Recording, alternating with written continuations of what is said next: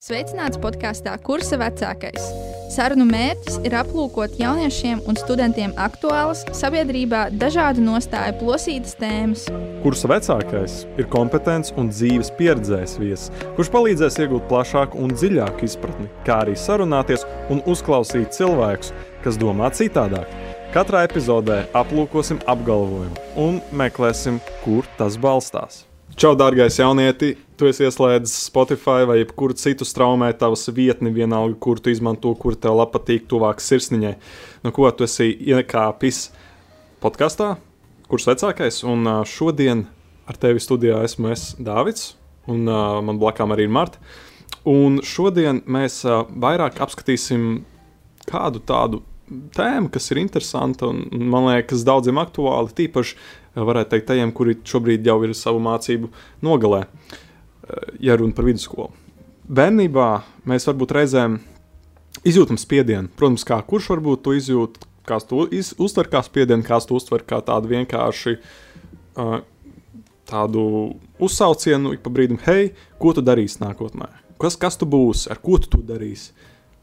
Jā, un, un tas, tas ko mēs, mēs gribam iegūt tādu uh, apskaidrību kaut kādam, teiksim, tādam vienam apgalvojumam ir šis, un šī ir tā hipotēze, nu, ka katram karjeras izvēle ir nepieciešama sevis realizēšanai, un profesija padara dzīvi pilnvērtīgāku un jēgpilnāku. Šis ir tas, ko mēs ļoti iespējams ar mūsu īpašo viesu šodien mainu apstiprināsim vai apgāzīsim. To mēs redzēsim.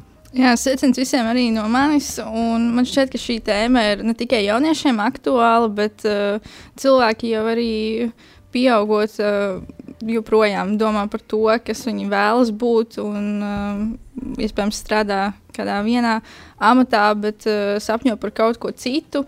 Bet uh, jā, mums šodien uh, ir viesis, kurš vecākais Aleksis Daume, kurš ir uzņēmuma karjeras konsultācijas īpašnieks, misionārs, vadošais apmācību treneris ar 24 gadu vadības pieredzi un 15 gadu starptautisku apmācību pieredzi par tēmām vadīt prasme, komunikāciju prasmes, līderība, pārmaiņu vadība, dzīves līdzsvars un laika plānošana, kā arī komandas veidošana. Sveiks, Aleksi! Sveiki! Man liekas, mēs varam tā kā oficiāli piebilst, ka šī ir visilgākā pieteikšana, kas līdz šim ir bijusi. Bet es domāju, pamatoti. pamatoti. Jā, runājot par, uh, par karjeru, ir tiešām daudz dažādi tie ceļi, kā, kā katrs nonāk līdz tam, uh, ka jau var sākt strādāt profesijā. Un uh, citam tiešām jau no bērnības var būt skaidrs, par ko viņš vēlas būt. Bet, um, Es um, gribēju tā iesākot pajautāt, um, kā rīkoties, ja, uh, ja gadījumā ir šķitas, ka tas ceļš ir tas pareizais, un jau ir kaut kāds zināms laiks ieguldīts, jau varbūt pabeigta, pabeigta augstskola, bet tomēr, tomēr darot un strādājot profesijā, um, nonāk pie, pie secinājuma, ka, ka tas, nav, tas nav tas, ko uh, vēlas, kur vēlas ieguldīties, kam vēlas veltīt savu laiku, zināšanas. Uh, un, uh, jā, kā šādā situācijā labāk rīkoties, vai mēģināt turpināt un, un, un, un, un censties iestāstīt sev, lai, nē, nē, nu, kad, lai tomēr iepatīkās, vai tomēr mainīt, lai, arī, lai arī jau ir diezgan daudz laiks ieguldīts tajā. Mhm. Nu, te jābūt uzmanīgam, dot visādus padomus. Man liekas, ka psihologi šo apgalvo parasti. Viņi nedod padomus, ja sevišķi tev par to nemaksā naudu. Nu, tur kaut kāda gudrība ir tajā iekšā, bet drīzāk tas, ko es izdarīju, es pastāstīšu kādus stāstus, notikumus, kas labāk paskaidros to visu. Tad uh, man ir kaimiņu zemē kādi draugi, un tur, tur bija tā, ka uh, ģimenē, kad puika, viņš, kad viņš vēl bija mazs, viņš vienmēr mammai teica tā, gribu būt uh, vilciena tas tur uh, lokomotīvas, vienkārši vilciena vadītājs. Nu, Māma teica, nē, vajag izglītību iegūt. Čelis pabeidz vidusskolu un saka, māma, es varu iet par vilcienu, to tur vadītāju strādāt. Viņa saka, nē, vajag labāku izglītību iegūt. Viņš aiziet augstskolā, pabeidz.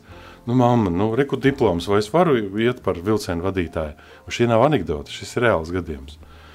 Un viņš, viņš, viņš da maģistratūru pabeidzu, atnācu, noliku diplomu, mamma, un tagad es varu. A viņa tā debrēja ģimeni normāli. Nu, tur mamām cita teikšana iespējams. Mamma saprata, ka puika neatlaidīsies, un viņš ir ar, ar ļoti labi izglītots, ar labu izglītību cilvēks, bet šobrīd vadā vilcienus. Un ir ļoti, ļoti laimīgs. Manuprāt, nekas nav patērēts, ja tu mācies un pēkšņi saproti, ka tas nav, nebija īstais. Man liekas, ka vispār jāmēģina ir viss šajā dzīvēm un meklēt kaut kādas superpuper nesaprotamās garantijas, ka es nu šausmīgi visu daru pareizi. Es nezinu, no kurienes tas ir nācis. Varbūt no tā, ka mēs pārāk sterili visur mēģinām būt, sterili mazgāt rokas, sargāties no vīrusiem un vēl kaut ko. Beig beigās mēs to sterilumu atnesam pārāk daudz visās vietās. Jo man liekas, ka ir normāli, ka bērnībā mēs zemēdām un, un, un, un visu kaut ko pārbaudījām ar muti, un tad, nu, tas bija normāli. Un tad mēs kaut kur aizmirsām, ka mēs tā, tā, tā esam dzīvojuši. Man liekas, ka man atbilde būtu, ka jāmēģina jebkas. Pamēģini jebko. Tu vari pat lai, lai, mainīt lietas kaut kādas. Nav ideāla lēmuma. Tu izdari vienu lēmumu, kaut kādu izvēli izdari. Nu, nesenāk dari nākamo. Nesenāca atkal, dari nākamo. Bet tur pa vidu vandās vēl viena doma, man šķiet. Kad, tā doma ir tāda, ka mēs dažkārt domājam, kā nepieauguši, kā mazgadīgi bērni. Nu, tāda. Mazgadīgam bērnam ir tā, ka viss, kur es jūtos slikti, tas ir nepareizi. Un bieži vien liekas, ka nepareizā izglītība, nepareizā profesija, tāpēc ka pēkšņi sajūties slikti.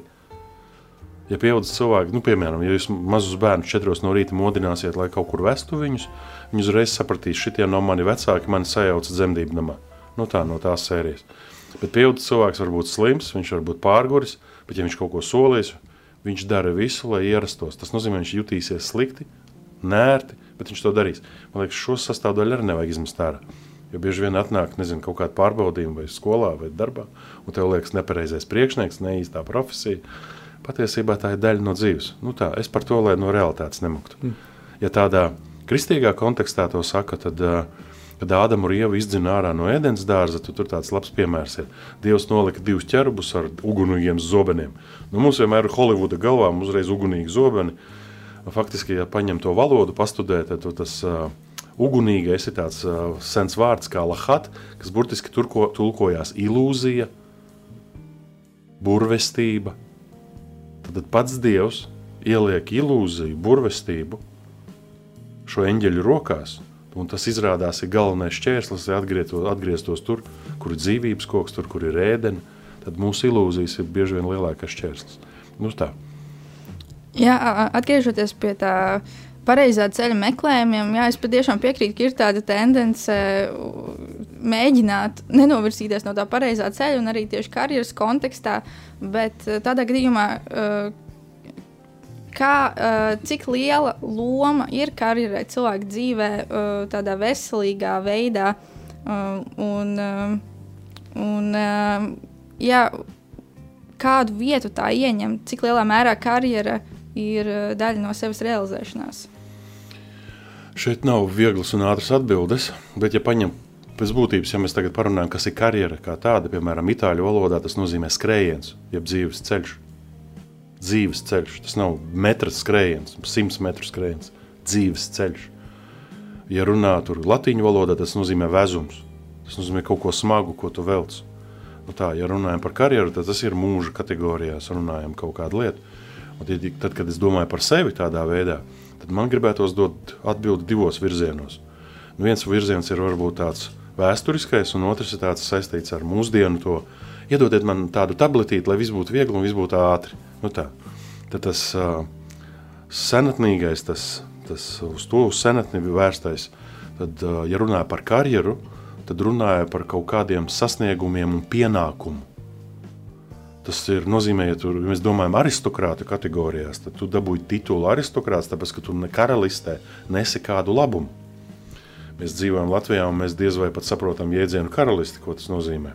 Man ilgi nepieliec tas, jo, ja tu pieteici man kā misionāru, tad man kā misionāram bija tāds kreizi izaicinājums. Jo es, ka braucu man uzreiz, Es teicu, Dievs, es gribu tā no ilūzijām tikt vaļā. Es saprotu, ka ne jau es baltais cilvēks tagad ieradīšos un šausmīgi super pārvērtīšu un iemācīšu tur kaut ko. Bet lūdzu, iemāci mani. Aizliežu uz Ķīnu, atbraucu mājās, saku, es neko nesapratu.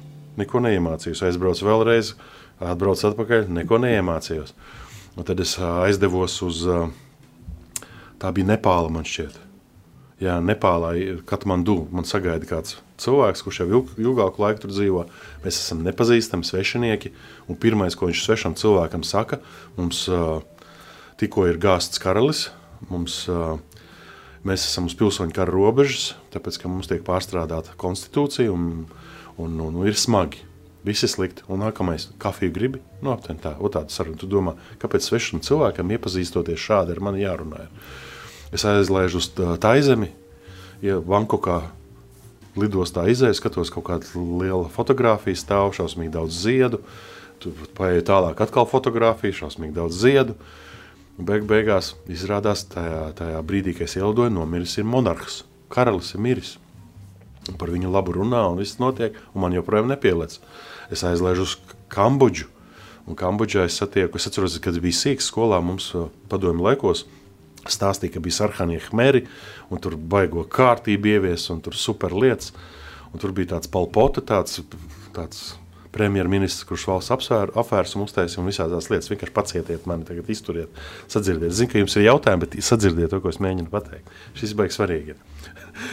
Šis ir, piedodiet, bet es, es, es, bet es ar stāstiem. Bet uh, tas stāsts ir tāds, ka es atcerējos to savu bērnību, un tam vietējiem mācītājiem, ko es satiku, es saku, klausies, nu bija taču jums tādi polpotas laiki un sarkanie hmeri. Jums vajadzēja viņa nopietnību redzēt viņa sejā. Un es sapratu, ka esmu aizskārs ļoti jūtīgu tēmu. Nu, mums arī Latvijā ir pietiekoši jūtīgas tēmas. Ir. Un, uh, un viņš man sāk stāstīt, ko tas nozīmē ka 1972. gadā Polpota uztaisīja šo apvērsumu, rezultātā viņš iznīcina 20 gadu laikā pusi tautas. No 12 miljoniem 6 miljoni tika nogalināti bez tiesas. Tevi varēja nogalināt, nošaut tikai par to, ka tev bija brilles uz acīm. Jo tas liecināja par to, ka tu lasi grāmatas. Tas nozīmē, ka tu esi domājošs būtne un tu esi bīstams. Kā, un es prasu, klausies, kā atrisinājās šīs jūsu situācija? Viņš saka, kā īsu tur no kaut kur ārzemēs atradās likumīgais karalis, kurš atbrauca nevis uz Kambodžu, bet uz Vietnamu. Izrādās tā bija kādreiz viena valsts, Lausa, Vietnama un Kambodža, ko sauc par Sijāmu. Ļoti plaukstoša, skaista zeme. Un viņš atbrauca uz turienu, un viņš pieprasīja armiju. Kas ir Vietnama, jūs zināt? Tā ir sarkani domājoša tāda kreisi orientēta valsts, kura no 9. stāva spļauj virsū visiem monarhiem, kas vien var būt. Bet šis ierodas, un pēkšņi tā autoritāte un tā vara ir tik liela, ka viņš saka, jums jādod man savu armiju. Un viņi iedod viņam savu armiju, viņš pāriet pāri robežai, iedod bietē, kam vajag pa bieti sadot, saliek lietu kārtību, pagriežas pret ģenerāļiem, saka paldies par kalpošanu, varat doties mājās. Visa Vietnamas armija ir šobrīd visa mājās. Un par šo dažu gadu laikā Kambodžā ir atgriezusies pie iepriekšējā cilvēka daudzuma, pie 12 miljoniem. Un es to visu tā klausos, domāju, kāpēc man tas viss ir jādzird, ko viņi man mēģina stāstīt. Tur. Es aizbraucu uz Mjāmnu, kas ir bijusi Birma, kur vienīgais no kā tā valsts pārtiek ir baltā magone. Un pat kristieši iet uz kompromisu un taisa karjeru sev narkobiznesā. Man nācās to ieraudzīt, un tas bija tik ļoti interesanti. Nu, es domāju, gan. un, un es ierodos viesnīcā, ieslēdzu televizoru, un tur sēra mūzika. Izrādās, nomiris vietējais monarhs. Un es atgriežos Latvijā, un man pieleca. Jo es taču teicu, Dievs iemācīja man kaut ko, ko, ko es sapratu. Jo tad, kad es atvēru vaļā Latvijas pasi, mums pilnīgi skaidrs, ka mēs dzīvojam republikā. Kamēr tu dzīvosi republikā, tu pat nesapratīsi, par ko Jēzus mācīja. Visas līdzības, simtprocentīgi, ne 90, ne 80, ne 50, simtprocentīgi visas līdzības Jēzum ir par vienu. Par Dievu valstību, par karalisti. Kamēr mēs dzīvojam republikā, mēs to nesaprotam. Kāpēc es to stāstu? Kontekstā ar tavu jautājumu. Tāpēc, kad, ja, ja, lai mēģinātu atbildēt par karjeru kaut ko un saprastu tās būtību, kā, nu, kā es to šobrīd saprotu, es varu kļūdīties. Es to saprotu karalistas kontekstā. Tas nozīmē to, ka karalistē ir ķēniņš, viņam ir sava ģimene un viņam ir padotie. Piemēram, nu, lai saprastu, piemēram, ja es iepatikšos ļoti Latvijas valsts prezidentam vai premjerministram, un viņi teiks, ah, kā mums tas Aleksis patīk, uzdāvinam viņam kādu salu Daugavā, es jau priecātos, bet ziniet, kā to sabiedrība nosaukt? To nosauktu par korupciju. Mm. Bet, ja Anglijas karaliene pateikt, Aleksis, man ļoti patīk, es viņu uzdāvināšu Falklendu Malvīnu salas Atlantijas okeāna, ziniet, kā to sauks? Dāvana. Un tā ir milzīga atšķirība. Ieraugat, mm. dāvinājums līdzīgs, bet uztvere, kā uztver sabiedrība, atšķirīga. Mēs arī, kamēr domājam dzīvot republikas kontekstā, kas ir labi un jauki tādā sabiedrības tā vidē, kurā mēs dzīvojam, ir forši. Bet, lai saprastu kaut ko, nu, no kurienes kājas augt tajā visā. Un tagad skaties, ko es mēģinu teikt. Tas stāsts ir par to, ka, ja es domāju karalistas kontekstā, un es gribu būt padotais tam galvenajam ķēniņam, tad kā, kā kļuva senos laikos par aristokrātiem? Tad, kad viņš karalistē nesa labumu, vienalga – militāri aizsargājot, izglītojot tautu, ārstējot, zinātnē attīstot, lauksaimniecību vai ražošanu, da jebkādu labumu, kā viņš karalistē nesa, tas noteica, ka karalis viņam deva noteiktu titulu, un pie titula klāt vēl lika īpašumu, un noteiktu reģionu, kur viņš ietekmē. Un tur viņš var izpausties. Un tā, tā ir viņa karjera. To sauc tā ir karjera, tas ir tavs pienākums. To labumu turpināt nest. Mūsdienās mēs bišķi karjeru uztveram savādāk kāds labums būs man. Hmm. Un tāpēc bieži vien nu, manī iekšēji tas mūsums. Uh, primāri es gribētu, lai mums katram būtu labums, jo tam ķēniņam ir tāds nodoms. Bet foršāk būtu saprast, ka sākumā nevis meklēt, nu tā, kuri, kuri man, kas man pienākās. Tas pats, tāpēc, ka runājot par karjeru, vienmēr ir runa par to, vai arī par panākumiem.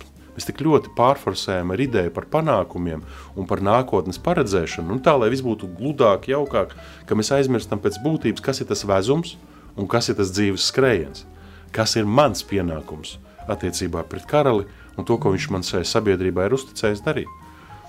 Nu tā, varbūt es dzīvoju kaut kādā pasaku valstībā, es nezinu, varbūt salasījies Nārnijas kronikas vai, vai, vai, vai nu, nu, Luis jau arī tāds... Mm, mm, nevienkāršais vīrs bija. Viņš jau arī dievam neticēja ilgu laiku.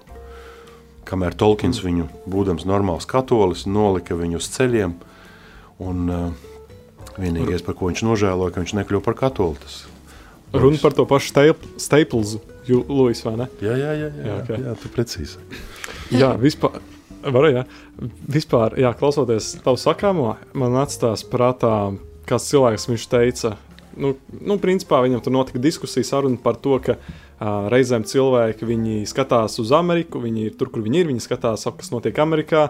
O, tur NBA, basketbola asociācija, tur uh, Jay-Z uz skatuves, tur uh, repo un viss, jā, un tad ir tāds, jā, nu tā kā es arī gribētu to pašu darīt, es gribētu būt tāds pats, un, tajā visā tā doma ir, ko viņi apgāz, ir, nu, nu ka, uh, Nu jā, reizēm cilvēks tik ļoti skatās uz kaut kādu subkultūru, viņi skatās uz kaut, kādu, kaut kādām uh, citām autoritātēm, kas ir ārzemēs, ka viņi nespēja atrast savu to piederību, savu to uh, pienesumu uh, profesionālo savā valstī, tajā vietā, kur viņi ir tagad.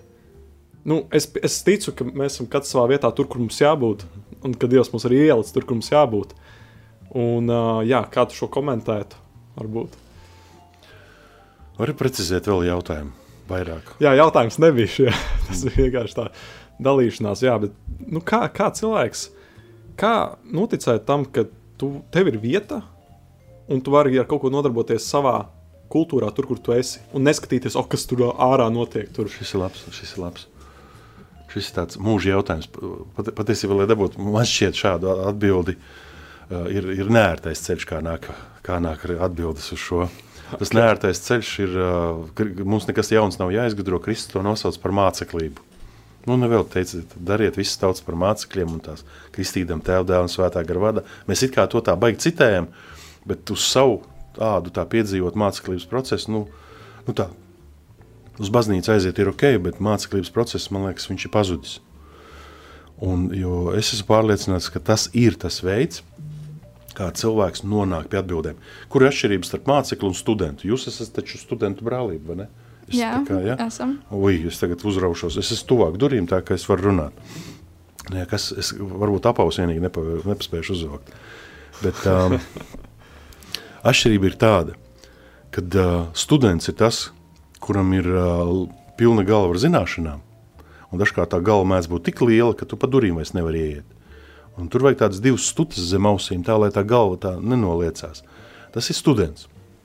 Akcents ir zināšanas, informācija, informācija, informācija, kas ir māceklis. Māceklis ir tas, kuram iespējams varbūt stipri mazāk zināšanu, bet viņam ir mainīts dzīvesveids. Tur tā būtiska atšķirība. Bet, lai mainītu dzīvesveidu, ir tas sekošanas moments. Bez tā nevar. Un tas sekošanas moments ir tas, kur tevi vēro, kur tevi redz, un kur tev var iedot atgrieznisko saiti, tev var pateikt, kas bija labs, ko var darīt vēl labāk. Un vadot uh, to, tos pašus pieteiktos apmācību seminārus, ko tu pieteici, ir, kad es jautāju, uzdodu jautājumu, piemēram, par to, kāpēc jūs šeit atnācāt, un tad klasiskās atbildes, nu, personāla vadība atsūtīja e-pastu un teica, tu esi mans vergs, tev nav izvēles, tev jā, jāiet uz apmācībām. Ir. Otra klasiskā atbilde ir, nu, lai uzzinātu kaut ko jaunu. Vēl viena klasiskā atbilde, lai uzzinātu kolēģus tuvāk, lai uzzinātu kolēģus no otras puses, un lai kolēģus uzzinātu dziļāk. Un šīs ir nesaprotamās atbildes, ko es ik pa brīdim dzirdu tajā, tajā, tajā, tajā visā, visā, visā tajā stāstā. Jā, man radās tāds pārdoms par to, ka Mēs dzīvojam vietā un laikā, kur uh, tomēr ir tā ir karjera un, un ir uh, priekšnieki dod noteikts norādījumus. Tā mācekļošanas uh, kultūra jā, nav tik ļoti izplatīta, bet uh, kādā veidā mēs varētu, esot tajā vidē, kur mēs esam, pēc tiem nosacījumiem, kas ir karjerā, um, tomēr arī um, izmantot tās kvalitātes, kas ir uh, mācekļošanas procesā. Kā mēs to varam izmantot? Jā. Man liekas, jāsāk ar mammu un tēti. Lai kā jums tas nepatiktu. Nu, tā jau ir. Ar mammu un tēti. Tie ir labākie. Oi. Viņi mūs tā redz, viņi mūs ir pakaļ mazgājuši, piedodiet. Un karotīti iemācījuši rokā turēt un paldies pateikt. Un viņi to, tas ir primāri labākais veids. Protams, būs tas brīdis, kad ir no viņiem jāatdalās, un tur ir tas savs kautiņš, un, un tur ir savs spēle kaut kāda. O, jā. Jā, jā. Jā. Nu, lūk, bet, ne bez tā, tie, kas studē tur kaut kādas spēļu teorijas, viņi, viņi, viņi jums pastāstītu vairāk, iespējams. Jo ir uh, viens gudrs vīrs, viņš no, no, nodefinēja četras spēļu kategorijas. Un iespējams, pamanīsiet, ka jūsu dzīvē tas tā notiek. Un tur kaut kas ar tiem vecākiem ir ļoti, ļoti saistīts. Pirmā spēle ir karnevāls. Tas nozīmē, viss, kas ir ar pārģērbšanos saistīts. Mums taču ļoti patīk tas. Otra lieta ir agonija spēles, boks, hokejs, futbols, nezinu, regbijs. Visur, kur ir uz sacensību, var, uz agresiju. Mm. Trešais ir uh, rotaļas, tas, kas ir tautu dēļas, tur, kur ir lielie dziesmu dēļu svētki, kur var paslēpties, kur var viss lielā pūlī pazust. Un ceturtais ir azartspēles, tas ir krievu rulete ar vienu patronu un dzīvošu vai nedzīvošu no sērijas. Kāpēc tas ir tik svarīgi? Tāpēc, kad uh, agri vai vēl pienāk tas brīdis, kad mēs kādu atdarinām. Mācekļošanas process sākās ar atdarināšanu, ar karnevālu. Es pārģērbjos. Bet tur ir nākamā lieta, vienu brīdi, kad tu sāc iemācīties jau pielāgoties kādam cilvēkam, jo, jo es ik pa brīdim, nu, tā, no pieredzes pamanu kādreiz, jūs bieži lietojat vārdu sirsniņā. Tāpēc, ka šīs baznīcas vadītāji to tik vien dara, katrā sprediķī kā sirsniņā un sirsniņā. Es Vilnim kādreiz to pajautāju. Viņš tā padomā, jā, tiešām mēs tā runājam. Kāpēc tu nekad nesaki kā vecs sirdī? Sirsniņā. Nu tā. Tu labi piefiksēji. Nu, jā, Jā, tas, tas ir tāds viens piemērs, bet um, mūsdienās uh, daudzās augstskolās sāk aizvien populārāk palikt uh, mentoringa pro, uh, programma, kur uh, jā, ir joms profesionāļi, kas jau gadiem ilgi darbojās, tad uh, viņi var ļoti līdzīgi īstenībā kā mācekļošanā um, dalīties savās pieredzēs, zināšanās, savā dzīves ceļā. Un, um, Un arī ir daudz citu rīki. Latvijā ir ēnu dienas, karjeras konsultanti, um, var iespējams pildīt dažādas anketas, testus, um, veidot uh, skolēnu mācību uzņēmumus, uh, arī piedalīties karjeras dienās. Un, kā, tas, vien, tas vienmēr ir aktuāli. Um, un uh, vienīgais. Tagad pēdējos gados visas šīs aktivitātes ir pārcēlušās Zoom formātā, līdz ar to zaudējot kādas komunikācijas kvalitātes un arī ierobežojot praktiskās darbošanās iespējas. Um, un līdz ar to uh, daudziem jauniešiem zūd vēlme un motivācija vispār domāt par savu nākotni, par karjeru. Un, uh, un tāpēc mans jautājums būtu, kur atrast to motivāciju, vai tiešām karjera ir tik ļoti svarīga, lai par to tik intensīvi domātu. Oi, man liekas, ka mēs kaut kur bišķi arī pārspīlējam varbūt šobrīd nav populāra šitādu citātu man teikt, bet tādā nepopulārā valodā, bet ir lab, lab, laba ideja tāda dagnači cilvēki pričinīt jums dobro. Tas nozīmē noķert cilvēku un par katru cenu viņam kaut ko labu izdarīt.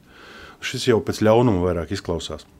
Es domāju, ka pilnīgi normāls stāvoklis, ka nezinu, pilnīgi normāls stāvoklis, ka garlaicīgi. Un tā ir jābūt, tā ir realitāte. Es esmu pats nodarbojies ar karjeras konsultācijām, strādājis ar visādiem testiem jauniešiem, gan pieaugušiem, gan izglītības izvēlē, gan profesijas izvēlē. Efektīva lieta, ļoti laba lieta. Bet, ja pie tā visa nav tavs paša lēmums kaut kāds, tad bieži vien tas ir, tā, tā ir tāda superaktivitāte, tāda mūsdienīga, un tā tur viņa uz papīra arī tajā anketā tur arī beidzās. Man liekas, ka vai kaut kādu noguruma līmeni, vai kaut kādu garlaicības augstumu sasniegt, un tad cilvēks vai nu pēcpusē sāk kustināt, kaut ko sāk darīt.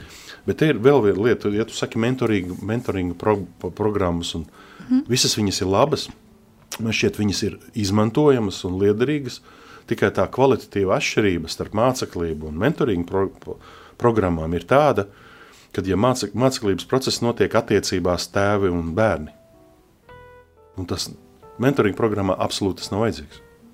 Mēs varam paņemt pilnīgi svešinieki būt viens otram. Vienkārši sekojam kaut kādai struktūrai, un uh, ir, ir kaut kāda loģika, ir kaut, ir kaut kādas likumsakarības, mm. kuras ir saprastas, viņas strādā, bet pēc būtības, lai tur notiktu tāda radikāla izmaiņa un tu ieraudzītu savu aicinājumu, tur nevar bez tēva un bērnu attiecībām. Ka, un tur, līdz ar to, ja rodas jautājums, kur, nu labi, mentors un tēvs, kur, kur šķirba, atšķirība ir liela. Esat lasījuši Jāņa, Jāņa vēstulēs, viņš saka, es tur rakstu jums bērniņi, rakstu jums jaunekļi un rakstu jums tēvi. Viņš parāda kvalitīvu atšķirību, ka bērni tie, kas ir atzinuši savu dievu, viņi atzinuši viņu, piedzīvojuši kaut kādu glābšanu, piedošanu un tā tālāk. Jaunieši, kuri kaut kādu kautiņu jau piedzīvojuši, ļauno uzvarējuši, tur, tas nozīmē jau bišķi ir jau kājas rokas pavicinājuši, un tad viņš saka par tēviem, tie, kas ir atzinuši un arī Bērni ir atzinuši rakstīts, un tēvi arī kaut ko ir atzinuši. Tikai tur ir atšķirība. Tēvi ir atzinuši to, kurš ir no iesākuma. Tas nozīmē, ka tēviem ir dota tāda atziņa par to, vispār, kas notika iesākumā. Un līdz ar to tur ir visas atbildes, kam jānotiek šodien un kur mēs virzamies. Nu, piemēram, pie jēzus tur pienāk un viņi tur kārdina visādiem dīvainiem jautājumiem, un tad viņam prasa, klausies, laulību šķirt drīkst. Nu, jo Mozus taču deva šķiršanās raksta atļauju un tā tālāk. Un pirmā atbilde, ko saka, ies, iesākumā tā nebija. Ieraugot, ko viņš dara. Viņš atkal, ja ir neskaidrība, paskatāmies iesākumā. Un līdz ar to, kā mēs saprotam pirmās mūzes grāmatas pirmās nodaļas, tas daudz ko nosaka. Un bieži vien tās nianses ir saprotamas tiem, kuriem ir šī atziņa, un kuru, kuru nevar tā izlasīt grāmatiņā, to nevar grieķu valodas tekstos ieraudzīt. Tās ir lietas, kuras tu sajūti, sadzirdi, mistiski, pārdabiski, ko tad eh, Dievs tur savā trīsvienībā runā savā starpā. No nu tā. Hmm. Ko tu teiktu, ja kāds tev uzdot jautājumu? Klau, man patīk, ka ir komforts dzīvē, un, piemēram, viņam kāds teikt, nē, bet vajag izaicināt sev, vajag ikdienā likt kaut kāds izaicinājums, kaut kādus soļus, pa kuriem kāpt uz priekšu vai, vai virzīties uz priekšu. Um, Kāds skatītos uz uh, izaicinājumu uzstādīšanu sev ikdienā? Zini, es laikam citētu Indulu Paiču. Man liekas, viņš vienreiz šo izvirzīja. Tik daudz pēdējā laikā cilvēku runā par iziešanu ārpus komforta zonas, ārpus komforta zonas. Un viņš vienreiz pajautā, tu zini, kā iet komforta zonā? Man liekas, tas arī atbild. Iemācīsimies tur iet, un tad jau pārējais būs. Wow. Bet tur aplausa Indulim. Uh, tu, tu pieminēji tēva nozīmīgumu uh, arī uh, tālākajā karjeras izvēlē.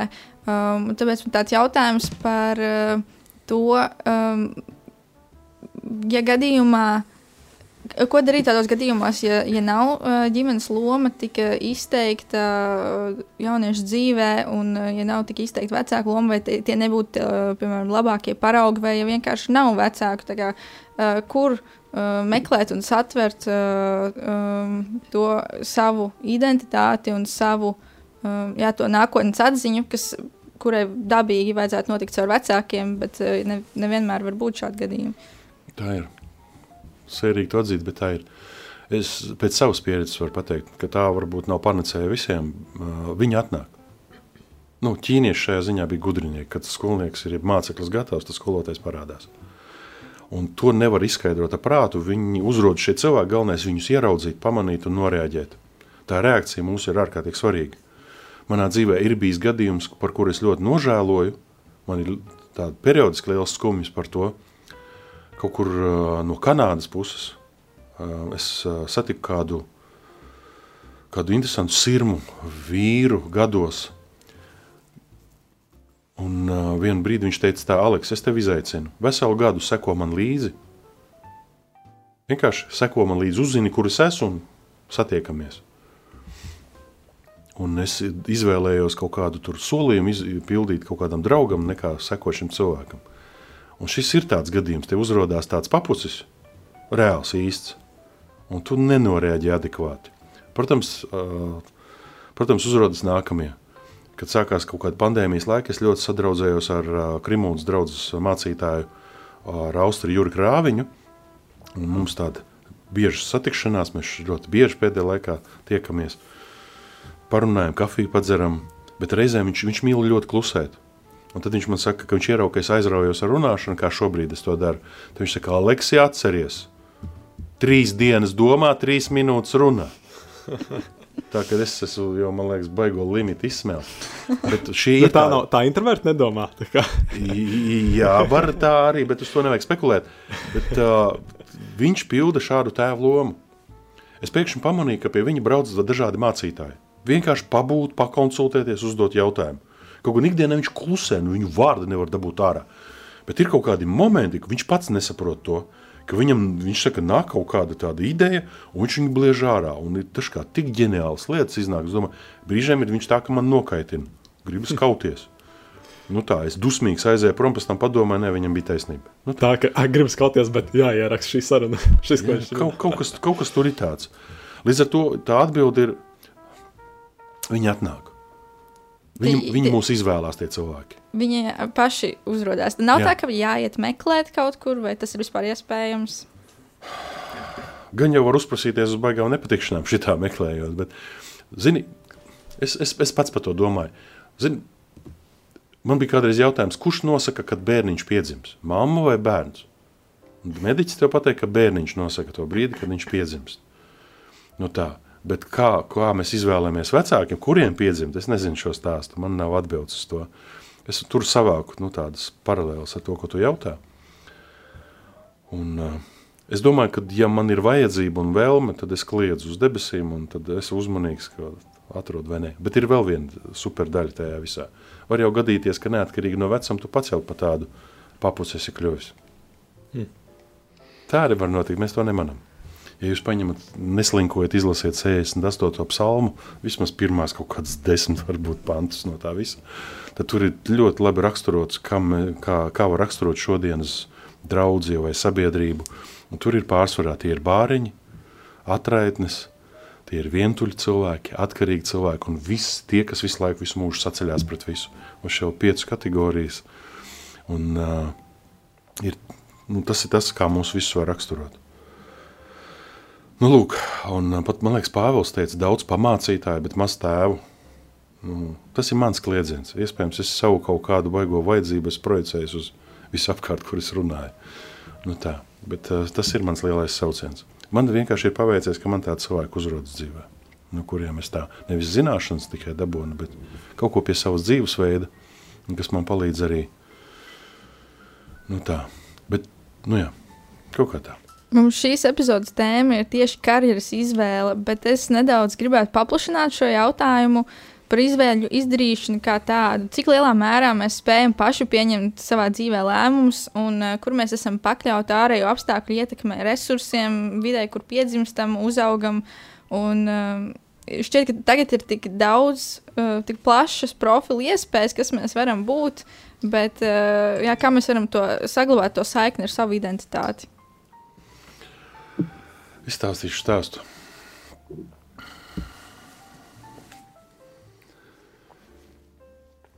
Mm.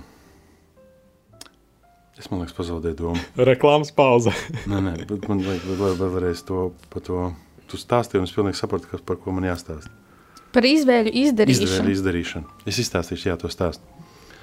Tad uh, Es piedzimu tālajos austrumos, tur, kur Usūrijas tīģeri nāca ciemos, un vietējie cilvēki, kad uzzināja, ka mēs esam latvieši, mūs apsaukāja par fašistiem. Mama vienmēr man teica vienu lietu. Viņa saka, ka dēls mīl krievus un krievu valodu. Esmu to ņēmis vērā, man ļoti patīk tā valoda un ļoti patīk tie cilvēki. Kad atgriezāmies atpakaļ, vecāki netika galā ar dažām lietām. Nebija laika vairs ar mani ņemties, ņēmās vecmāma. Vecmāma netika galā ar mani, atveda mani uz internātu skolu. Es atceros, kā viņa, man bija kaut kādi septiņi gadiņi, viņa paskatījās uz mani un teica, atceries, tu esi Aleksis, atceries, un aizgāja. Un tā es aptuveni tur kādu laiku pabiju, un jau trešais gads gāja, un, uh, lai, nu, lai man grūti izstāstīt visu to vardarbību kas tur notikās, par ko maz runā vispār, tad uh, bija tāds moments, ka man bija deviņi gadi, Un es sev pateicu, ja mani šeit, no šejienes vecāki neizņems ārā, es kļūšu par bandītu. Ko nozīmē deņgadīgam puikam būt bandītam? Klasika. Tas nozīmē sākt smēķēt, dzert, laupīt. Trīs elementārās lietas. Man tagad jautājums jums. Man ir 51 gads. Tāda šausmīga atzīšanās.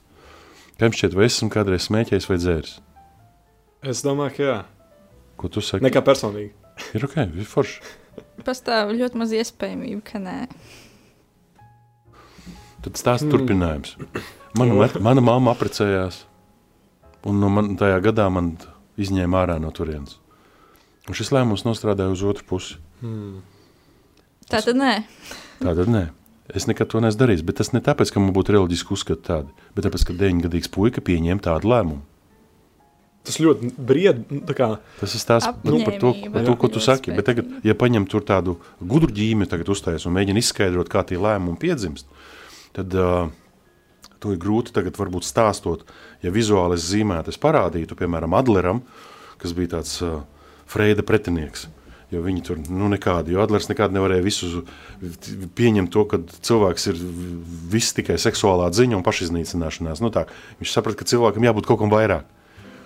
Un viņš eh, izdomāja to tādu ideju par eh, dzīves cikliem, kad ir lēmums, pēc lēmuma seko darbības, darbības rada notikumus, un notikumi rada emocijas. Emocijas ietekmē lēmumus, lēmumi atkal rada noteiktas darbības, darbības notikumi, notikumi emocijas.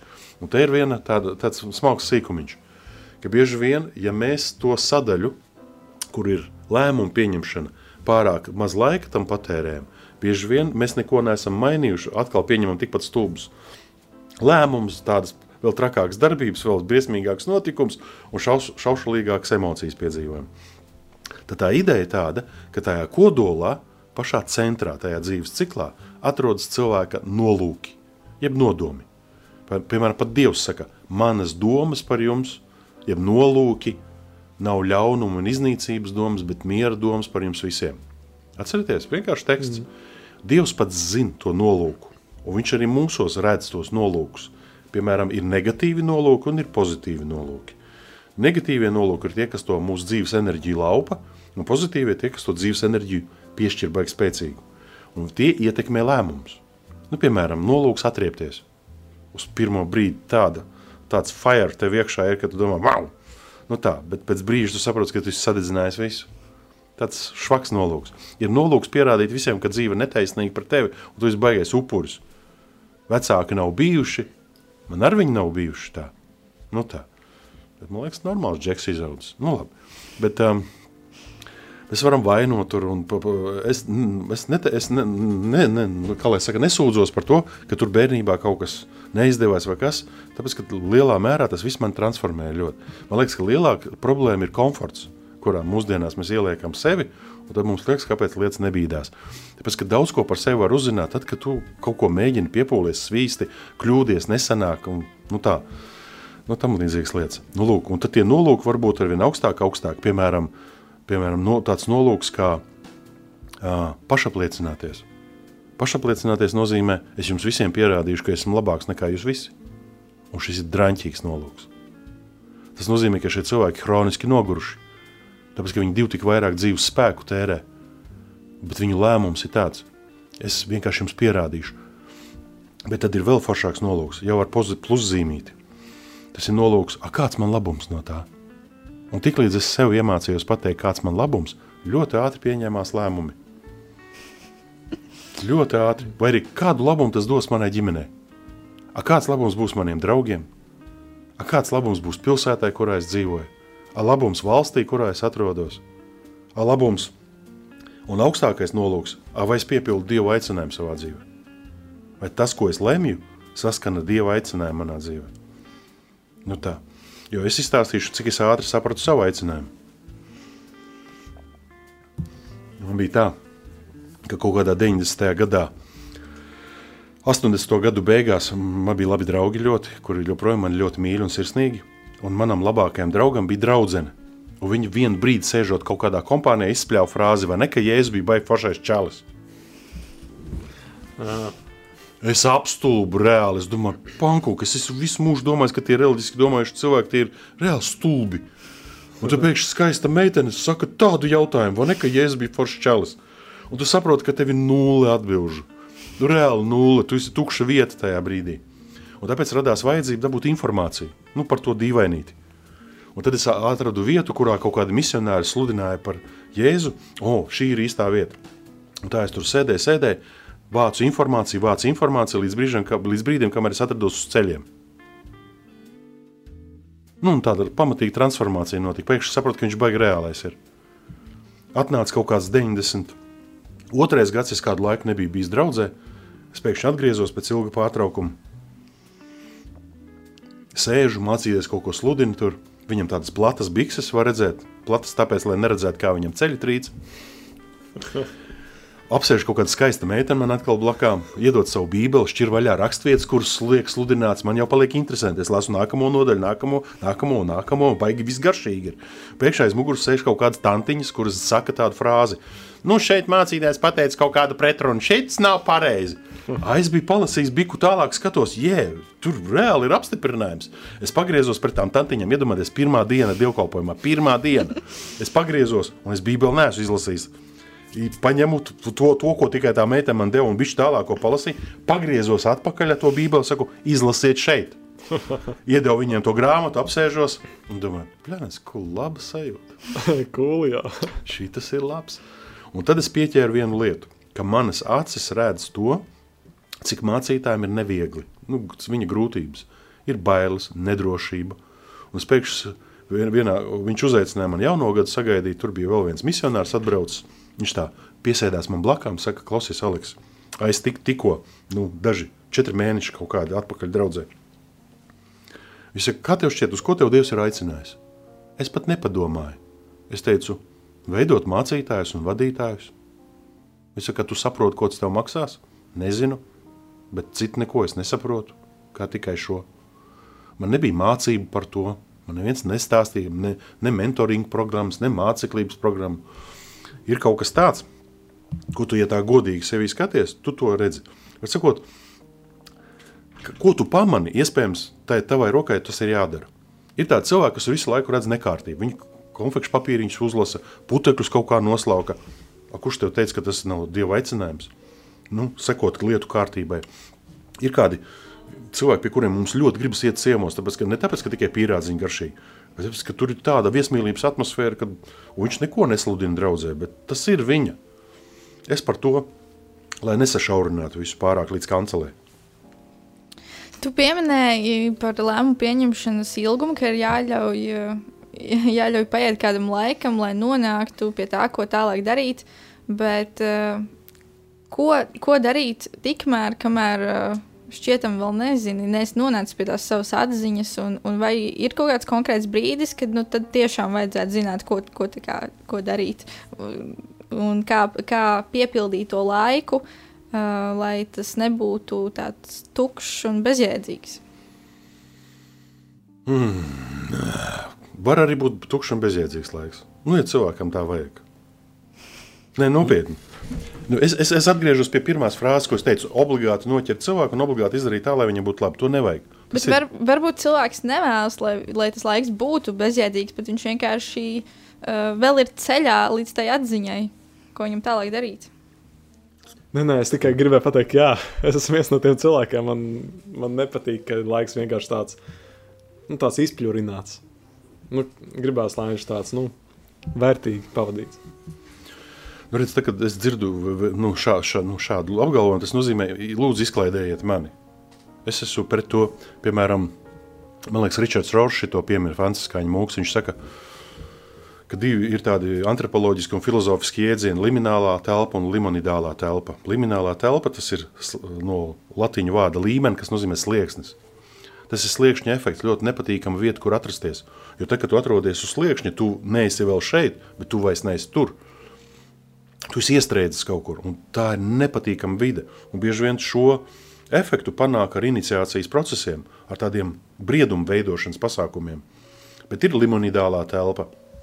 Vienkāršojot, tas nozīmē mūžīgie svētki. Visa kā ir labi. Izklaide, gaismas, mūzika, ēdamais, dzeramais, jautrība, Un tas nozīmē, ka svētkiem vajag būt, bet tad vajag atrast kaut kādu pamatojumu tiem svētkiem. Tu kaut ko izdari, tev sanāk, tu apbalvo sevi. Bet, ja visu dzīvi pārvērš par svētkiem, mm. tad man liekas, tur kaut kas ir ļoti, ļoti neveselīgs. Bet uh, es domāju, ka katrs cilvēks pats zina, ko darīt. Man ir tāds, tāda uzticēšanās, ka mūsos ir tāds mehānisms, kas neļauj sev darīt pāri. Ot, kaut kas tur tāds unikāls ir. Vēl viens tāds piemērs, kur, kurus tu iemācījos, piemēram, no saviem bērniem. Es iemācījos peldēt ļoti vēlu. Kaut kādā septītajā klasē, man liekas, normāli sāku peldēt. Līdz tam man bija kauns. Un es, kad man puikas piedzima, es darīju visu, lai viņi jau peldētu ātri. Vecākais dēls peldēja jau divu nedēļu laikā pēc dzemdībām. Es viņu zem ūdens, viņš man zem ūdens peldēja. Es jau biju laimīgs. Es... Piedodiet. Un, un tas nozīmē, ko? Kad viņi paaugās, manam vecākam bija kaut kādi 14 gadi aptuveni. Mūsu draugi uzaicināja uz Latviju, tur pie Aglonas, kaut kādā pie ezera malas nopirkuši zemi. Mēs aizbraucām Līgo svinēt. Un tur motorlaiva un laivas kaut kādas, un ugunskurs un jautrība. Un tagad viena daļa iesēž laivā un vienkārši airē pāri ezeram. Ezers liels. Ezera vidū viņi satiek manu dēlu, kurš vienkārši peld pāri ezeram. Viņi pierē klāt, viņi saka, atētis atļauj tev. Viņam ir 14 gadi. Viņš peld un viņš saka viņiem, man tētis, mans tētis man uzticās. Un es sapratu, ka arī ka mums kaut kādā mērā ir ļoti jāuzticas tam mehānismam, kā cilvēks saprot lietas, kā viņš izdara lēmumus. Tur tā sintētiski to nevar dabūt gatavu. Un salīdzināt, to šito nevajag darīt. Man liekas, pilnīgi katrs savā kaut kādā super laikā, jo man šķiet, es esmu aizkavējies attīstībā, ja tā godīgi. Es izklausos uh, Es varu papļāpāt visādām gudrām frāzēm, bet uh, faktiski man liekas, ka kaut kāds briedums atnāca ļoti vēlu manā dzīvē. Un esmu ļoti priecīgs, kad uh, man atļāva tā nodzīvot. Esmu piedzīvojis labas lietas, bet sadarījis visādas muļķības arī dzīvē. Līdz ar to tik forši, ka kāds ļauj tev izdarīt kļūdas arī. Nu tā. Wow. Nu, jā, man, man liekas, pirmais, pirmā atziņa, kas man nāca, obligāti jāpērk platas bikses.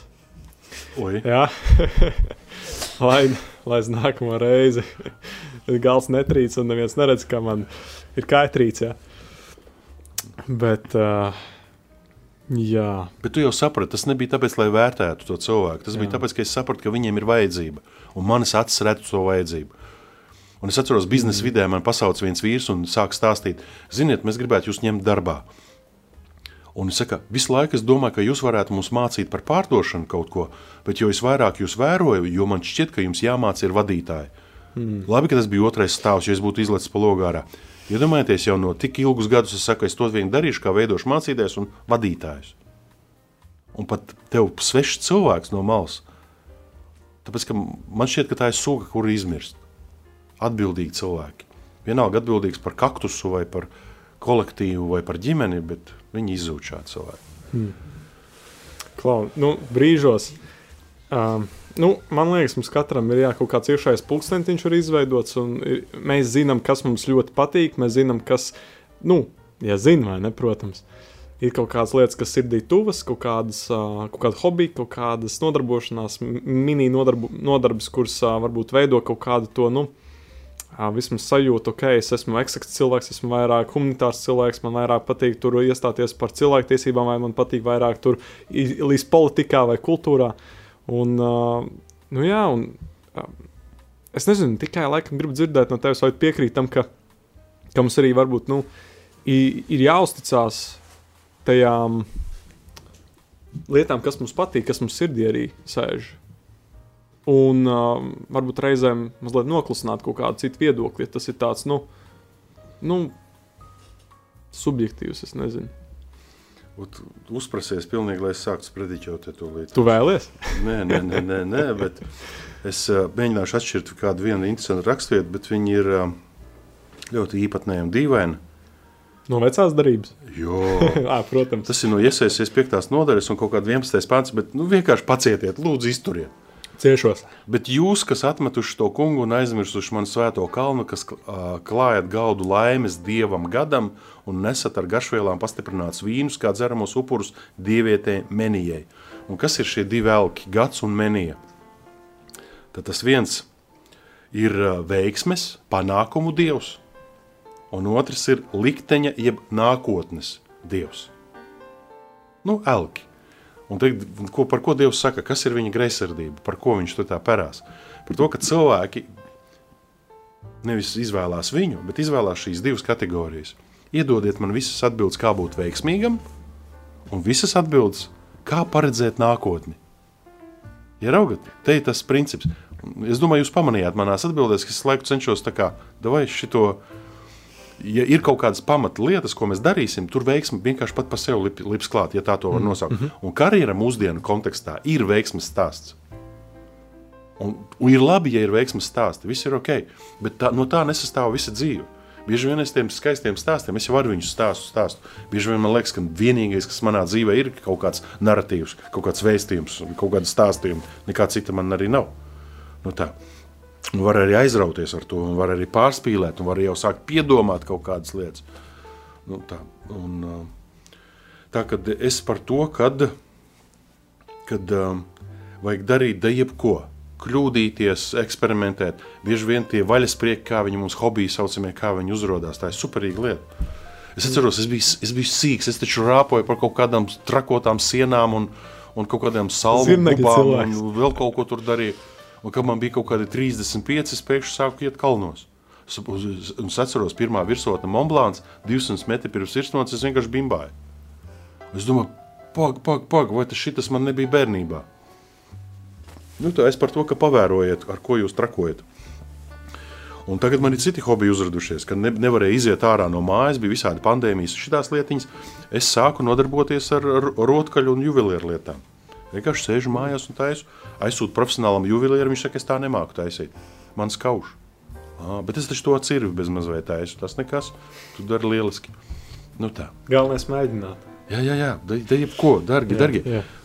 Varētu teikt, ka profesijas, un ne tikai profesijas, profesijas, bet arī vispār nodarbošanās, kas ir arī hobiji, iedalās tādos divos lielos blokos, kur uh, vienā tiek paveikts kaut kāds fizisks darbs, kur ir redzamas izmaiņas, un, uh, un tas otrais veids būtu tie saucamie darbi ar prātu, ar domāšanu, ar uztveri. Un mans jautājums ir, uh, vai šīs divas puses ir tā, tā nodalāmas, un uh, kur ir. Uh, Kur ir, tā, kur, kur ir tā vērtība un kas piešķir tam izdarītajam darbam uh, jēgu. Vai ir nodalāmas, nodalāma profesija? Ir praktiska, ir Darbs. piemēram profesijas, Fizisk. kas ir fiziskas, Fizisk. un kas ir, kas ir varbūt vērstas uz kaut kādiem sabiedrības uh, uzskatu main, main, mainīšanām. Principā, nu, vispār praktiķi un tie, kas uh, dziļi filozofi. Klausies, vai parunāsim vispirms par fizisku darbu? Vienkārši tā sašaurināsim un pēc tam aiziesim diekur. Jo, jo skatieties, vēsturiski fiziski darba darītāji vienmēr bijuši vergi. Nu tā. Tā arī filozofija parādījās. Jo tie, kas bija brīvie, viņiem bija, bija brīva laika, ko viņi sāk darīt, uzdot jautājumus. Es ceru, ka celtnieki tagad neklausās. Nē, viņi vēl noklausīs līdz galam, viņiem tas ļoti patiks. okay. Un, uh, tur, tur, tur ir tā, ka uh, tie brīvie sāka uzdot jautājumus. Viņi saka, ja man ir tik daudz laika, tas nozīmē, ka es varu darīt, ko es gribu. Ah, tad rodas jautājums, ko es gribu? Tā, un viens saka, es gribu būt laimīgs. Nākamais jautā, interesanti, kas ir laime?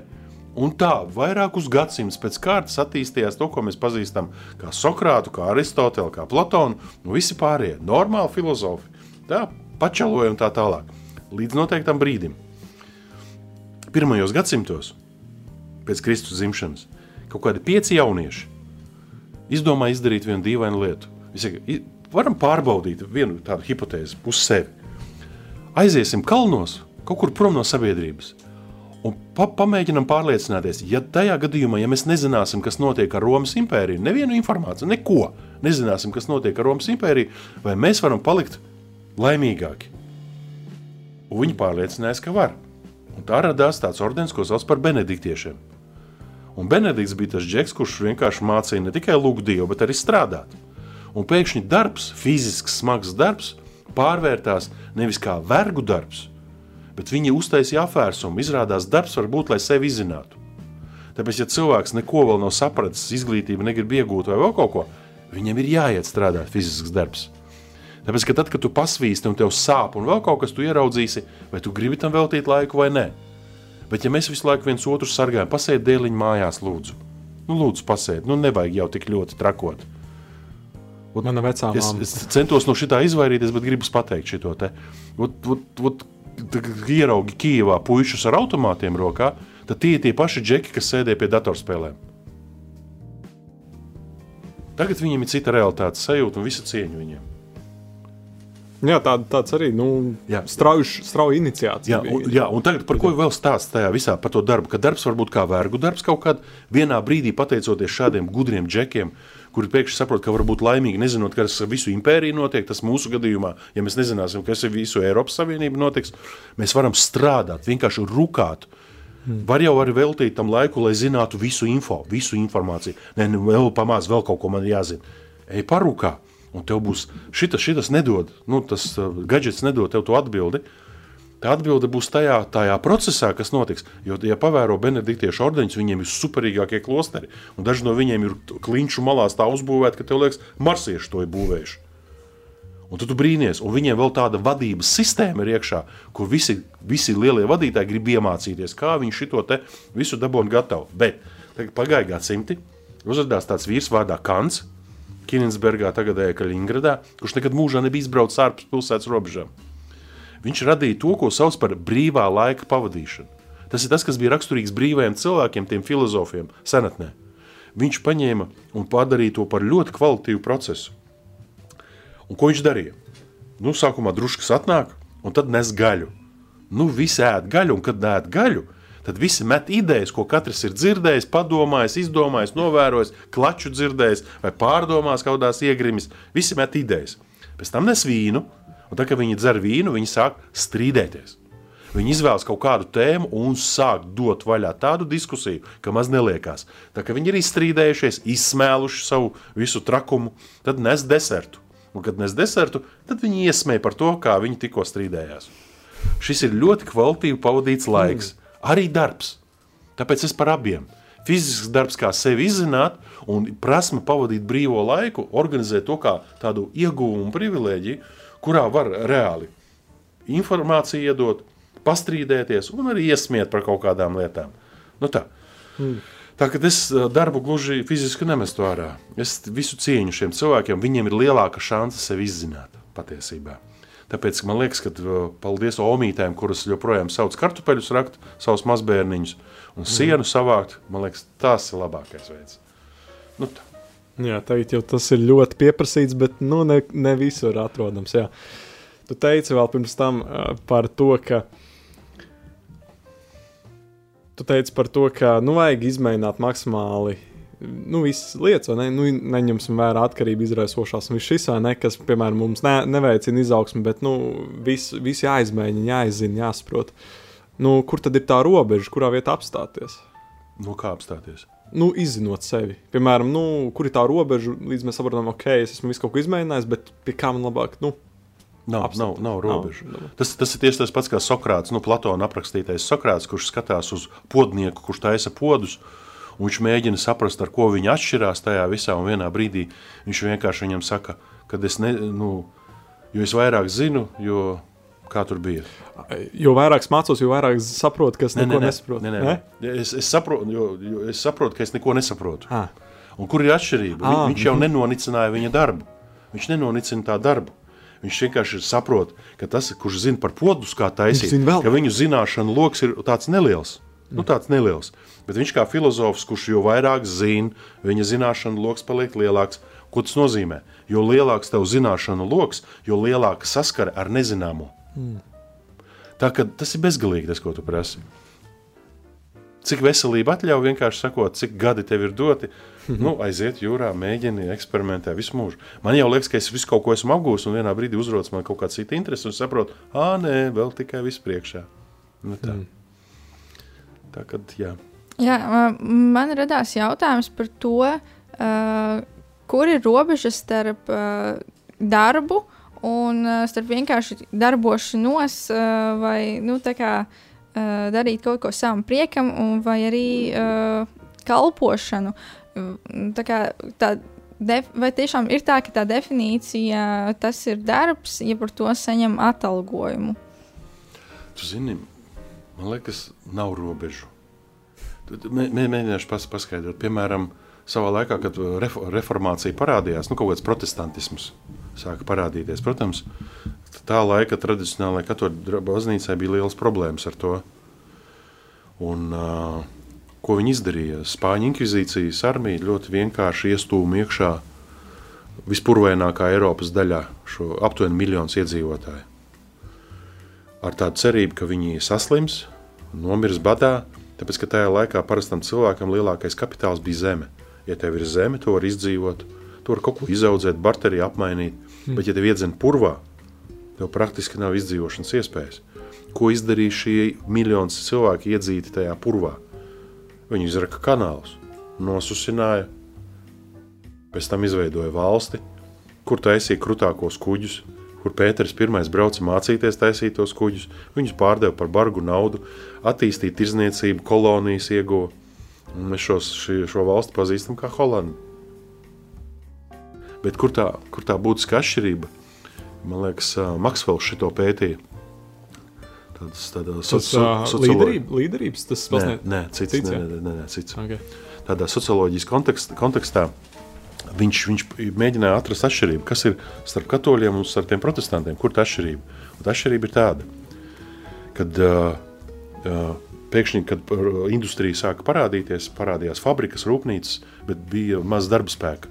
Tāpēc fabrikanti gāja pie zemniekiem un teica, darbie, jūs taču gribētu vairāk nopelnīt. Nu, varētu jau. Nu, labi.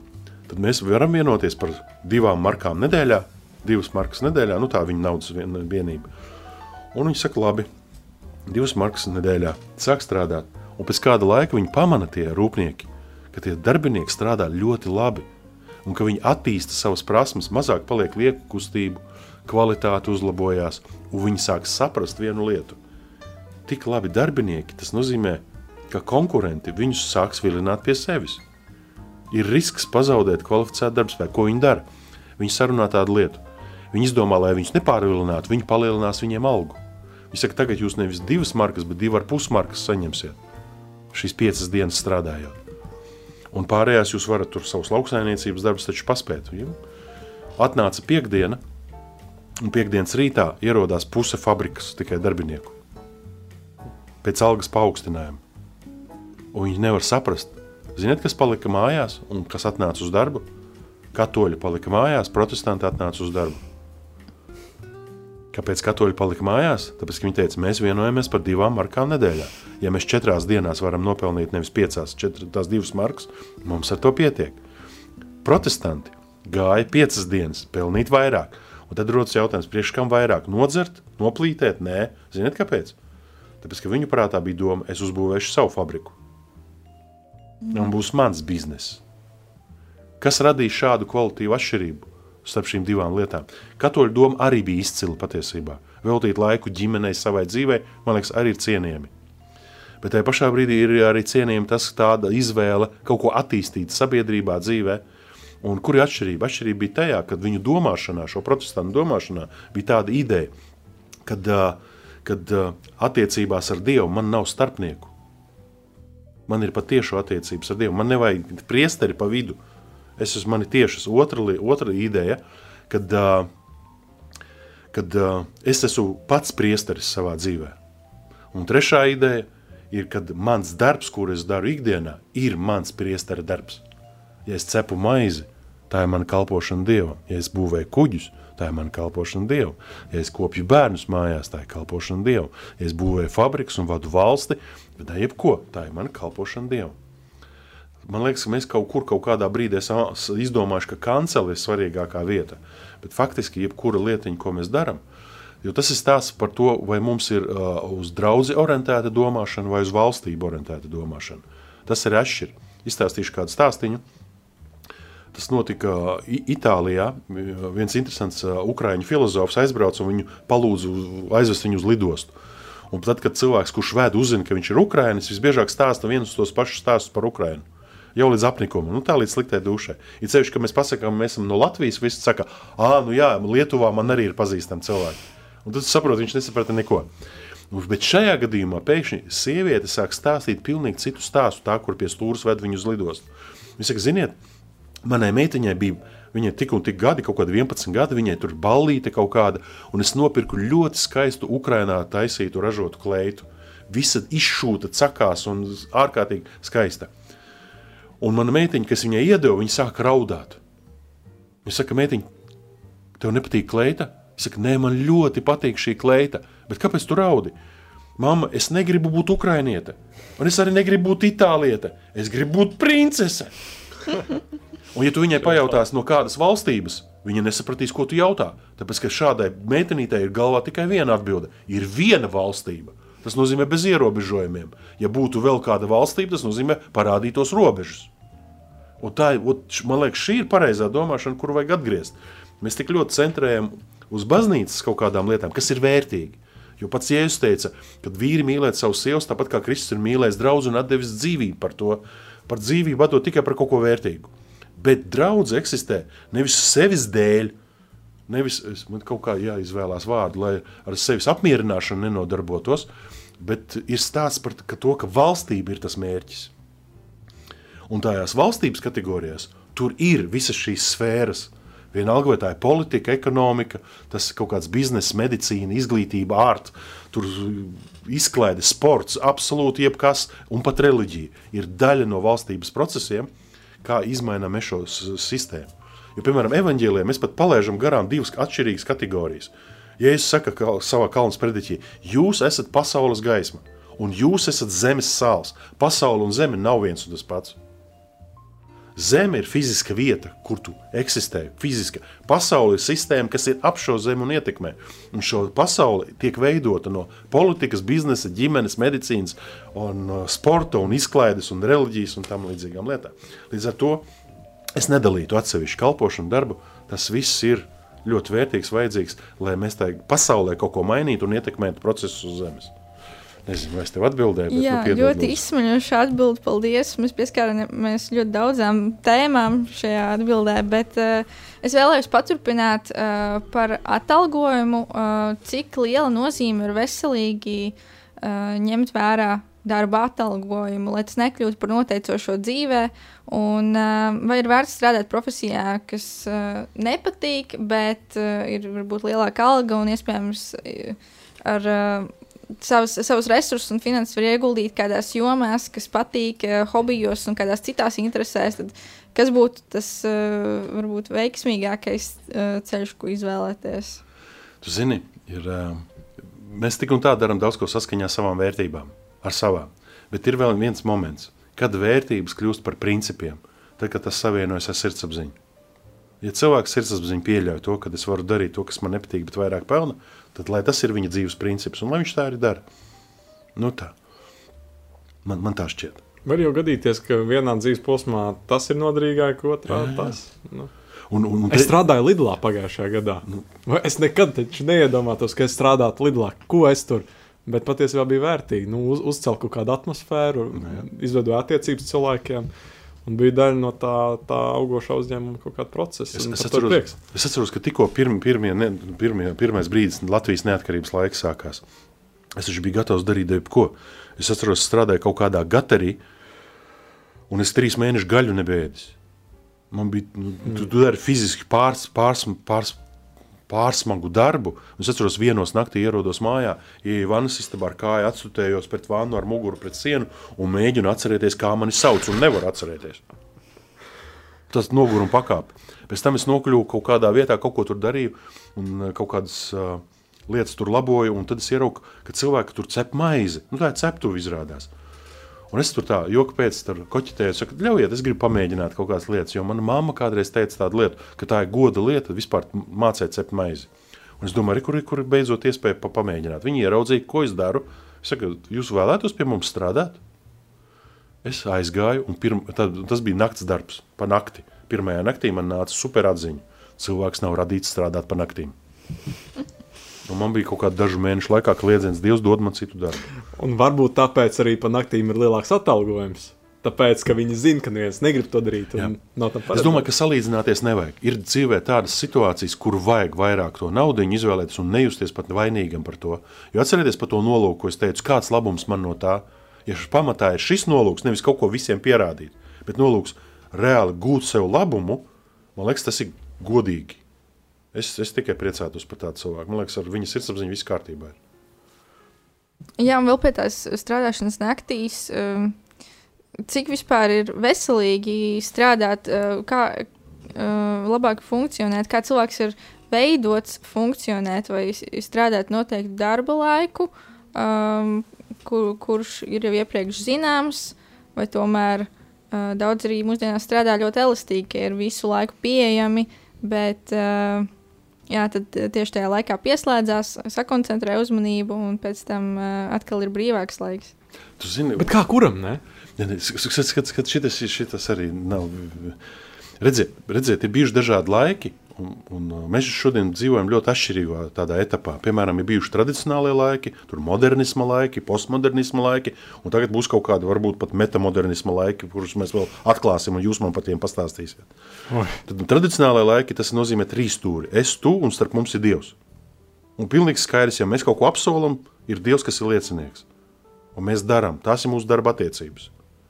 Bet tad nāk modernisma laiki, Tāpēc, ka tradicionālo laikos daudz runāja par pasaules galu, par nāvi, par dieva tiesu. Cik var klausīties šo? Cik reizēm, var ne? klausīties par šo? Un tad izdomāja to modernismu laikus, kas raksturojās. Starp mums vienkārši vairs nav dieva. Esi tu un esmu es. Mēs esam personības. Tu esi personība, es esmu personība. Es tev uzticos. Nu tā, un tā, nu tā mēs veidojam. Es tev uzticos. A tad nāk, a tad nāk postmodernisma laiki. Zini, ko tas nozīmē? Paliek tu un es, bet diez vai tu esi tu. Tu tā domā, ka tu esi sieviete? Tu esi tik droša ļoti. Tas, ka tev pretī sēž vecs ar gariem matiem, tev liekas, un bārdēns, viņš nav sieviete. Vai? Vai tu ierauko, tu ierauko, es daru? Tas Jā. ir želantīns. Un tieši tas pats parādās šāda nianse, parādās darba attiecībās, darba izvēlēs, arī kaut kādos procesos, kas notiek tīri sabiedrībā. Ir pazudis, želā, ir pazudis pamats, ir tik daudz neskaidrību, tik daudz, ah, var būt un iespējams, un tas, un vēl kaut kas. Faktiski tas, ko es mēģinu pateikt, mums ir pazudusi spēja izšķirt baltu un melnu, labu un sliktu. Vajag pamats, lai tu zinātu, kur jā, jā, tur vajag, tur agri vai vēl vajadzēs atgriezties atpakaļ pie tām lietām. Tāpēc es par to, ka, uh, skaties, katru situāciju mēs ar tevi neizrunāsim. Es bieži šo atkārtoju, bet atkārtošos vēlreiz. Piemēram, tad, kad cilvēki saprata, ka barteris ir sarežģīts process apmaiņas, viņi izdomāja banku sistēmu. Vispār Florence ir tā pilsēta, kurā nav nekādu resursu, bet viņi kļuva par bagātāko pilsētu pasaulē, tāpēc, ka viņi izdomāja banku sistēmu. Tā kā parādījās banku sistēma, parādījās viltot, vil, viltotāja un viltota nauda, jo kādam bija skaudība vienkārši par to, ka kāds paliek baigi bagāts. Tiklīdz parādījās viltojumi, parādījās vajadzība izšķirt. Kā atšķirt īstu naudu no viltotas naudas?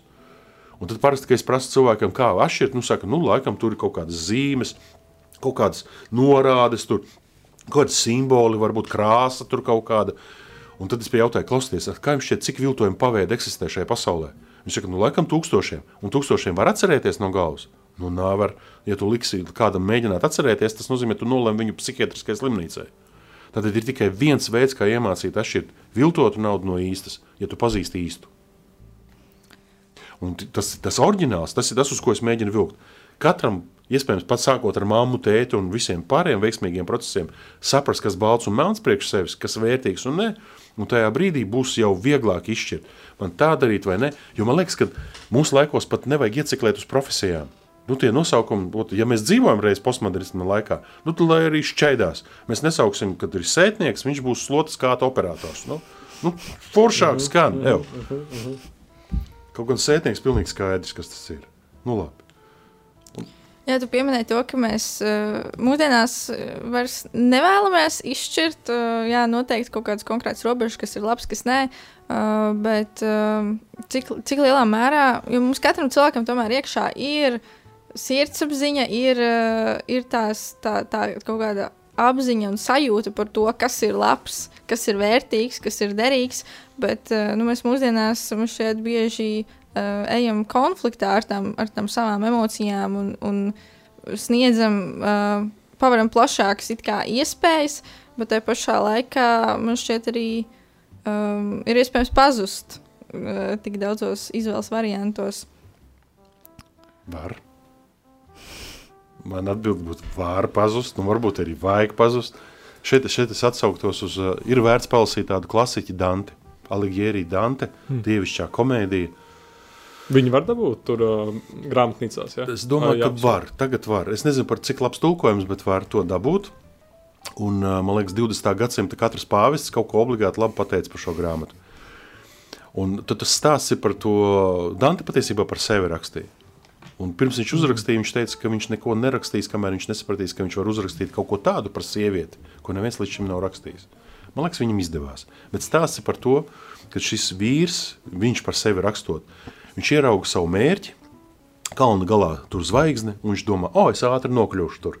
Un tā kā viņš skrien tajā kalna augšā, lai to mērķi sasniegtu, tā ir līdzīga par to, ko tu jautā, nu, vai arī nu, par ko mēs vispār runājam. Un tajā brīdī viņam nāk pretī trīs briesmīgi dzīvnieki, katrs trakāks par otru. Tur ir, tur ir lūsis, tur ir lauven, lauve, lauva un tur ir vilkumāte. Un tas ir acukārība, dzīves lepnība un miesas kārība. Trīs lietas, kuras saka, tad neko tu nedabūsi. Pat nemēģini. Ja pamēģinās vēl soli, mēs tev saplosīsim gabalos. Un Čalis nāk atpakaļ un saprot mērķi, viņš vairs savu nesasniegs. Un tāpēc nākamā lieta, kur viņš nokļūst, viņš nokļūst tumšā mežā. Un viņam ir izmisums. Un tas ir tas, kas bieži mums notiek. Mēs mēģinām, mēs mēģinām, mēs eksperimentējam, mēs domājam, varbūt tā, var tā, un visiem var būt tāds tumšais mežs. Un tajā tumšajā mežā pēkšņi nāk pretī kaut kāds radījums. Viņš nesaprot, spoks, dēmons, cilvēks, kas tas ir. Un viss vienīgais, ko viņš izkliedz, ir tāda frāze - apžēlojies. Un tas ir tas, līdz kam mums jānonāk. Mēs nevaram iedot visus veiksmības stāstus, bet mēs varam iedot to sapratni, ka tam tumšam mežam jābūt visiem.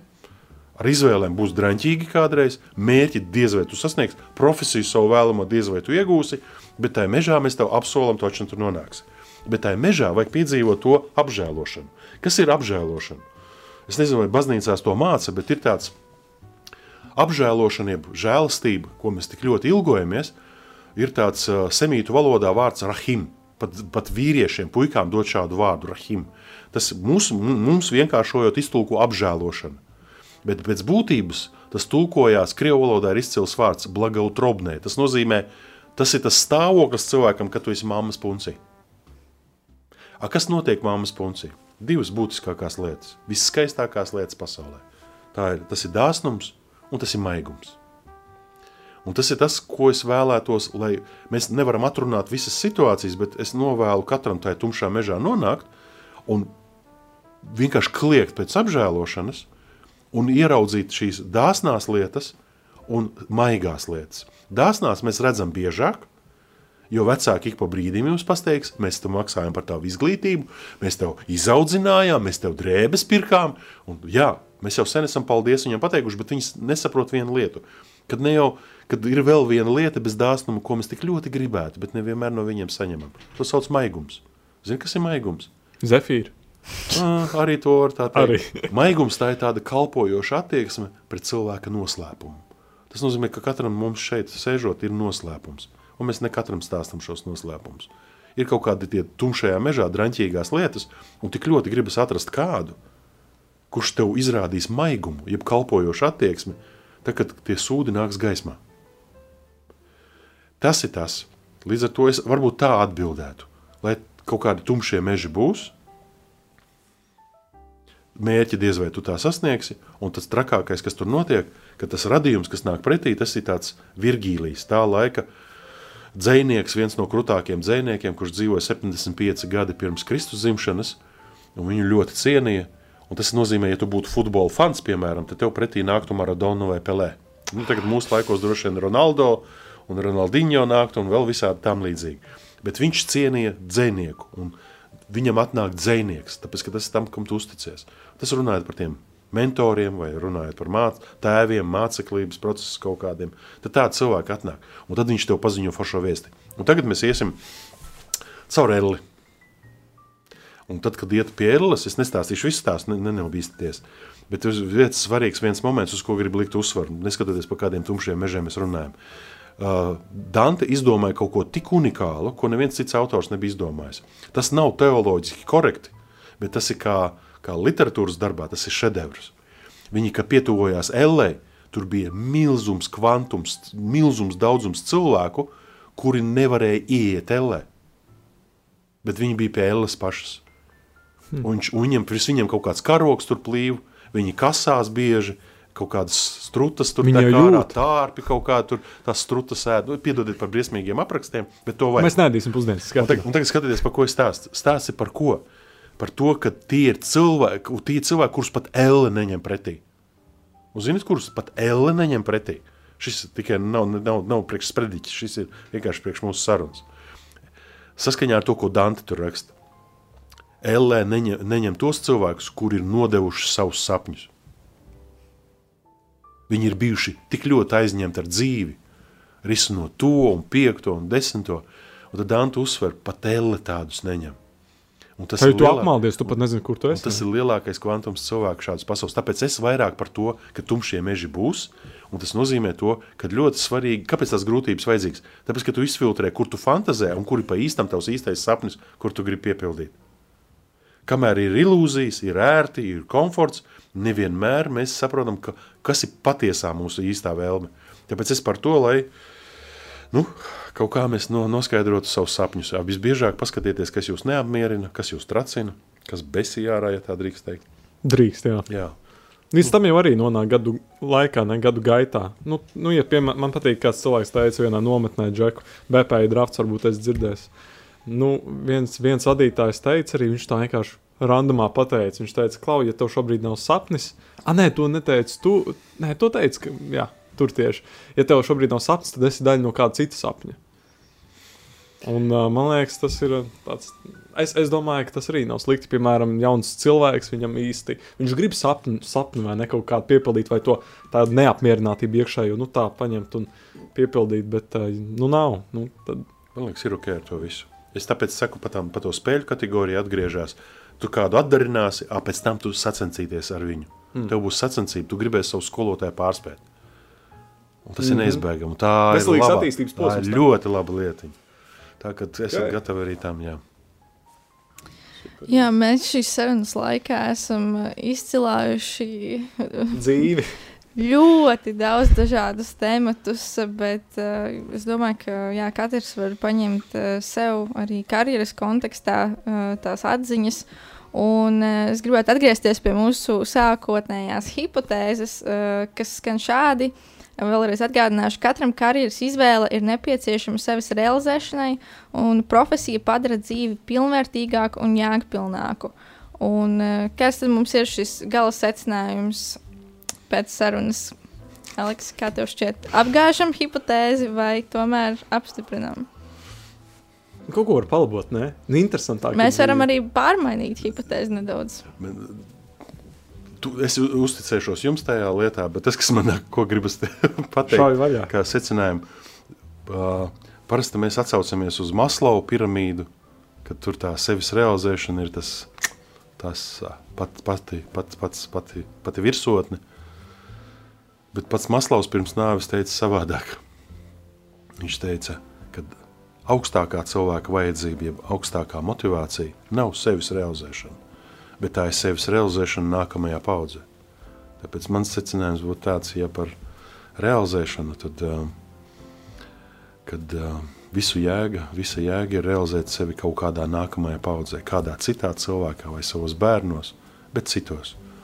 Nu tā, tu vari izvēlēties super profesiju, būt nenormāli panākumiem bagāts, bet tu būsi tik un tā nelaimīgs. Ja tas būs tikai uz tevi pašu, vai ne? Ja tikai būt uz sevi pašu, tāpēc, ka tas kaifs ir, kad es sevi redzu mm. citos.